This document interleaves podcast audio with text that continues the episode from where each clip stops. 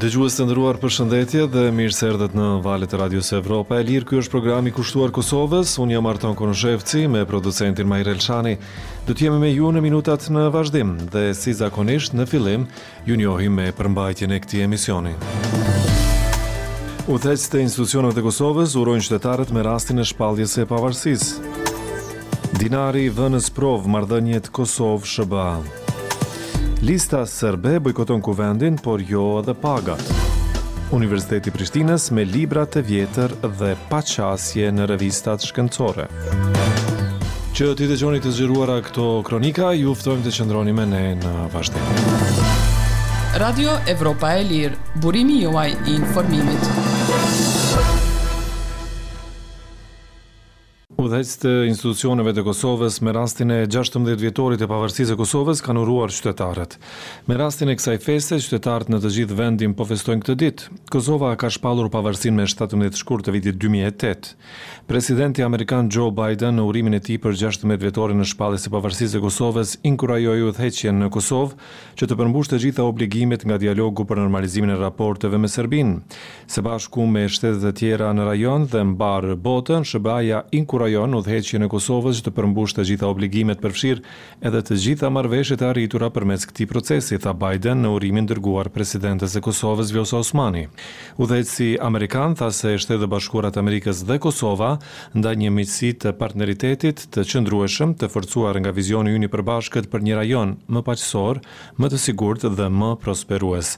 Ne po ashtu vazhdojmë të mbështesim projektin e dialogut të ndërmjetësuar nga Bashkimi Evropian drejt arritjes së një marrëveshje gjithëpërfshirëse për normalizim me Serbinë, një hap i rëndësishëm drejt njohjes eventuale reciproke, tha Biden. Radio Evropa e Lirë, raportim i paanshëm për tema që kanë rëndësi për ju. Partitë opozitare në Kosovë dhe njohësit e zhvillimeve politike kanë shprehur shqetësimet lidhur me raportet ndërmjet Kosovës dhe Shteteve të Bashkuara të Amerikës. Reagimet në Kosovë kanë pasuar deklaratën e ndihmësekretarit amerikan të shtetit, James O'Brien, i cili tha se vendimi i Kosovës për ndalimin e dinarit e ka vënë në pikëpyetje partneritetin me SHBA-në. Kryeministri Kurti nuk ka dhënë shenja se ky vendim do të tërhiqet. Më gjerësisht e ndjekim kronikën e Bekim Bislimit. Rreziku i prishjes së partneritetit mes Kosovës dhe Shteteve të Bashkuara të Amerikës shqetësoi një pjesë të opinionit publik që marrëdhëniet mes dy vendeve i konsideron si ekzistenciale. Shqetësimet e tilla i kanë edhe partitë opozitare, por zyrtarë të qeverisë megjithatë bënë përpjekje t'i ulin shqetësimet, duke këmbgulur se ata konsultohen dhe koordinohen me aleatët. Reagimet kanë pasuar deklaratat e ndihmësit të sekretarit amerikan të Shtetit James O'Brien, i cili tha se Shtetet e Bashkuara janë shumë të shqetësuara me vendimin e Qeverisë së Kosovës për të mos lejuar përdorimin e dinarit serb në Kosovë. Në një intervistë për Zërin e Amerikës, ai tha se Kosova duhet të tërhiqet nga ky vendim, që e ka vënë në pikëpyetje partneritetin me Shtetet e Bashkuara të Amerikës. Rregullorja e re e Bankës Qendrore të Kosovës, e cila u publikua më shtatëmbëdhjetë janar dhe hyri në fuqi më një shkurt, e bën euron valutë të vetme për pagesa në Kosovë. Kryeministri Albin Kurti duke folur të mërkurën në një ngjarje në Prizren, tha se Banka Qendrore e Kosovës e ka prezantuar tashmë planin e saj për zbatimin e rregullores. Plani dhjetëpikësh parasheh mes tjerash lehtësimin e kushteve për hapjen e llogarive bankare dhe pezullimin e përkohshëm të tarifës së Bankës Qendrore të Kosovës për hapje të degëve të bankave. Qeveria nuk u mbivendoset institucioneve të pavarura shtetërore, sikurse që është Banka Qendrore e Kosovës, ka thënë Kurti dhe shtoi se partneriteti i Kosovës me Shtetet e Bashkuara nuk është në rrezik. Republika e Kosovës nuk ka partner, aleat dhe mik të rëndësishëm sikurse Shtetet e Bashkuara të Amerikës, Kështu e konsideroj dhe bashkëpunoj unë si Kryeministër i Republikës së Kosovës. Për Ariana Musliu Shoshin, deputete e Partisë Demokratike të Kosovës në opozitë, partneriteti me Shtetet e Bashkuara të Amerikës nuk bën të lëkundet asesi. Sipas saj, ky partneritet, Është shumë më i vlefshëm se çdo vendim për çfarëdo të drejte të Kosovës. Sepse vetëm në partneritet me Shtetet e Bashkuara të Amerikës ne mund të arrijmë të fuqizojmë subjektivitetin ndërkombëtar, po edhe politikën e brendshme. Musliu Shoshi shton se askush prej aleatëve të Kosovës, përfshirë Shtetet e Bashkuara të Amerikës, nuk kanë deklaruar se Kosova nuk ka të drejtë të marrë vendime që janë në përputhje me ligjin, porse për të gjetur zbatim, Ato duhet të jenë të koordinuara me aleatët. Avdullah Hoti nga Lidhja Demokratike e Kosovës, po ashtu në opozitë, tha se deklarimet e ndihmësit të Sekretarit Amerikan të Shtetit O'Brien duhet të merren me shumë shqetësim. Marrëdhëniet e Kosovës me Shtetet e Bashkuara të Amerikës janë ekzistenciale. Kush nuk e kupton këtë, nuk e meriton të jetë në krye të institucioneve. Bartësit e institucioneve të vendit e kanë për obligim që t'i mirëmbajnë këto marrëdhënie të pacenueshme, shkroi Hoti në një postim në Facebook. Se Kosova duhet të ruajë marrëdhëniet me Shtetet e Bashkuara të Amerikës, këmbgul edhe deputetja tjetër e opozitës, Time Kadrijaj, nga Aleanca për Ardhmërinë e Kosovës. Kërkojmë që të gjitha veprimet për shkak të situatës së ndjeshme të jenë në harmoni me aleancën tonë. Derisa përfaqësuesit e opozitës nuk e thonë në mënyrë të drejtpërdrejtë nëse qeveria duhet ta tërheqë vendimin ose jo, disa analistë janë më të prerë. Qeveria e Kosovës duhet të reflektojë dhe të tërhiqet nga vendimi për ndalimin e dinarit, thotë Agon Maliqi për Radion Evropa e Lirë. Mund të jetë problematike së brendshmi politikisht për sa për ta arsyetuar këtë, por me vullnet politik ka hapësirë për tërheqje nga ky vendim. David Kanin, profesor i studimeve evropiane në Universitetin Johns Hopkins në Uashington, nuk e përjashton mundësinë që Shtetet e Bashkuara të Amerikës të vendosin sanksione kundër Kosovës, por ai thekson se Shtetet e Bashkuara nuk do të shkojnë aq larg dhe thjesht ta ndërpresin marrëdhënien me Kosovën. Kanin thotë se Kosova do të duhej ta shtynte sa më shumë që është e mundur zbatimin e vendimit për dinarin ose ta revokonte tërësisht. The Americans do not want Kurti to do things that stir up trouble in a region that the West really wants to stay quiet. Amerikanët nuk duan që Kurti të bëjë gjëra që nxisin bela në një rajon që Perëndimi e do vërtet të qetë, Derisa merret me gjithçka tjetër që po ndodh në botë, thotë Kanin, veprimet e Kurtit, sipas tij, e ndihmojnë Serbinë dhe bëjnë që të gjithë të harrojnë për Banjskën, fshati në veri të Kosovës ku një grup i serbëve të Kosovës sulmoi policinë e Kosovës në shtator të vitit të kaluar duke vrarë një polic. Për Radion Evropa e Lirë nga Prishtina, Bekim Bislimi. Qëndroni me ne për t'u informuar me zhvillimet e fundit. Deputetët e Listës Sërbe paraqiten në seancat e Kuvendit të Kosovës vetëm sa të mos u hiqet mandati për pjesëmarrje. Ata pastaj nuk shfaqen më për gjashtë muaj. Ata marrin çdo muaj pagën e deputetit në vlerë prej rreth një mijë e tetëqind eurosh. Për këta deputetë nga buxheti i Kosovës ndahen çdo vit rreth dyqind mijë euro. Më shumë detaje në raportin në vazhdim. Pas gjashtë muajsh, dhjetë deputetë sërbë shfaqen për disa minuta në seancën e Kuvendit të Kosovës që të mos u hiqen mandatet për mos pjesëmarrje dhe më pas ngrihen, largohen dhe zhduken për gjashtë muajt e ardhshëm. Hera e fundit kur u paraqitën shkurtimisht në Kuvend ishte data tetë shkurt. Nga dhjetë ulëset parlamentare që Kushtetuta e Kosovës ia garanton komunitetit sërb, nëntë i takojnë Listës Sërbe, partisë më të madhe të sërbëve në Kosovë, e cila ka mbështetjen e Beogradit. Deputeti i dhjetë vepron si i pavarur, por është anëtar i grupit parlamentar të Listës Sërbe. Për këtë veprim strategjik, siç e kanë cilësuar më herët bojkotimin e institucioneve të Kosovës, ata marrin çdo muaj pagën e deputetit në vlerën prej rreth një mijë e tetëqind eurosh. Kjo do të thotë se për këta deputetë nga buxheti i Kosovës ndahen çdo vit rreth dyqind mijë euro. Këta deputetë të Listës Sërbe i morën mandatet e tyre Në mes të nëntorit dy mijë e njëzet e dy, dhjetë ditë pasi paraardhësit e tyre dhanë dorëheqje.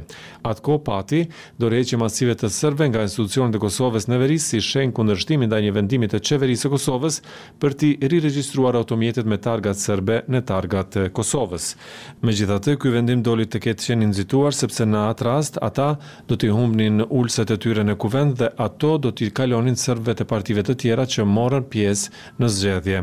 Shumica e pjesëtarëve të komunitetit sërb në veri dhe në jug të lumit Ibër, me të cilët bisedoi Radio Evropa e Lirë thonë se deputetët sërbë duhet të jenë më të përfshirë në këtë moment, duke aluduar në situatën aktuale, kur po ndalohet përdorimi i dinarit sërb dhe kur po mbyllen organet e përkohshme komunale që punojnë në sistemin e Serbisë e që Kosova i konsideron të paligjshme.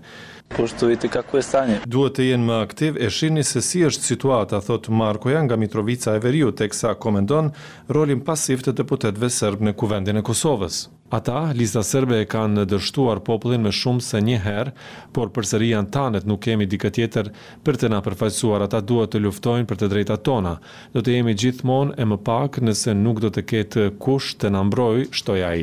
Në Kuvendin e Kosovës aktualisht janë nëntë deputetë nga radhët e Listës Sërbe. Shumica e këtyre dhjetë deputetëve, përveç mandatit në Kuvendin e Kosovës, kanë pozita edhe në institucionet e Serbisë dhe rrjedhimisht të ardhura të dyfishta. Tringa Dreshaj, hulumtuese në organizatën joqeveritare Instituti Demokratik i Kosovës, e cila monitoron punën e Kuvendit të Kosovës, thotë se mungesa e vazhdueshme e deputetëve serbë është e papranueshme dhe paraqet një precedent të keq. Kuvendi i Kosovës ka njëqind e njëzet deputetë nga të cilët dhjetë mandate janë të rezervuara për komunitetin serb dhe dhjetë të tjera për komunitetet tjera pakicë që jetojnë në Kosovë. Për miratimin e ligjeve të caktuara, përfshirë edhe ndryshimet kushtetuese është e nevojshme mbështetja e dy të tretave të komuniteteve pakicë.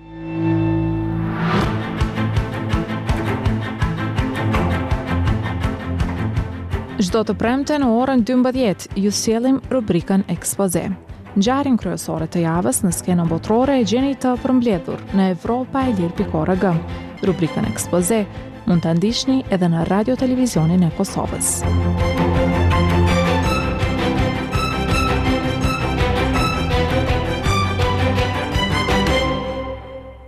Edhe pse e përshkruan veten si baza kryesore e kërkimit shkencor në vend, Universiteti i Prishtinës nuk ka ndonjë abonim nëpër revistat shkencore ndërkombëtare.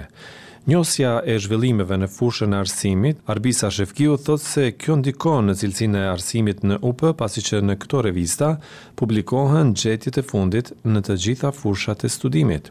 Dorontina Baftiu sjell të tjera hollësi. Me libra të publikuar dekada më parë shërbehen qindra studentë nëpër disa fakultete të Universitetit të Prishtinës.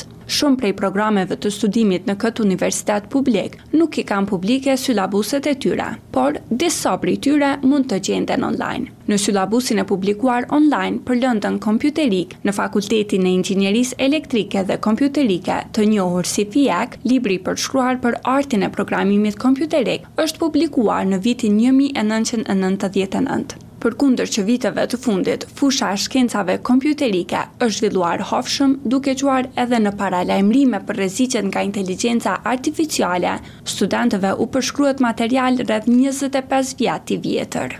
Ekspertja e zhvillimeve në fushën e arsimit, Arbisa Shefkiu, thotë se gjendja në UP sjell shqetësime të thella dhe sfida, të cilat sipas saj nuk po adresohen me seriozitet nga menaxhmenti. Mungesa e burimeve shkencore dhe literaturës adekuate në bibliotekat e fakulteteve paraqet një pengesë serioze për zhvillimin e njohurive dhe krijimin e një mjedisi të pasur akademik, thotë Shefkiu.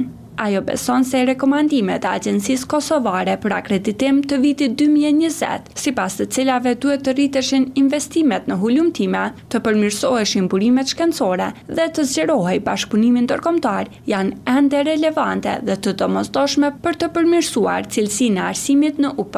Radio Evropa e Lirë ka vizituar FIEK-un, ku studentë të pranishëm kanë shprehur mendime të ndryshme për literaturën që u jepet për të studiuar. Literatura është llom, tha njëri ndër studentët që po qëndronte para dyerve të fakultetit. Një tjetër grup i tyre thanë se, në fakt, literatura e përmendur në sylabus nuk përdoret fare dhe se ata mësojnë vetëm nga materialet që i prezantojnë profesorët gjatë ligjëratave.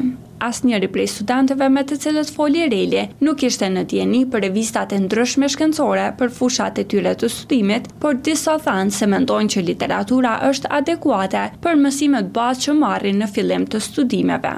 Radio Evropa e Lirë ka pyetur në zyrën e Rektoratit të Universitetit të Prishtinës se pse nuk është bërë abonimi me pagesë në revista shkencore ndërkombëtare, por nuk ka marrë përgjigje. e as nga FIEK-u nuk kanë pranuar ta komentojnë literaturën që u caktohet studentëve.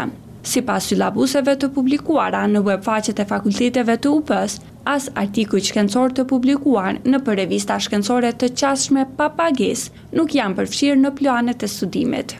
Rreth pesë vjet më parë Universiteti Publik i Kalifornisë në SHBA kishte ndalur abonimin në një prej publikuesve më të famshëm të hulumtimeve akademike, Elsevier, për shkak të çmimit të lartë. Deri në vitin dy mijë e nëntëmbëdhjetë, Universiteti i Kalifornisë kishte paguar rreth dhjetë milionë dollarë në vit për këtë abonim. Buxheti i Universitetit të Prishtinës për vitin dy mijë e njëzet e katër do të jetë gati tridhjetë e dy milionë euro gjithsej, rreth një milion euro më pak sesa vitin e kaluar. Ministria e Arsimit, Shkencës, Teknologjisë dhe Informacionit nuk është përgjigjur në pyetjet lidhur me cilësinë e arsimimit në UP dhe buxhetin e këtij institucioni. Për Radion Evropa e Lirë nga Prishtina, Doruntina Baftiu.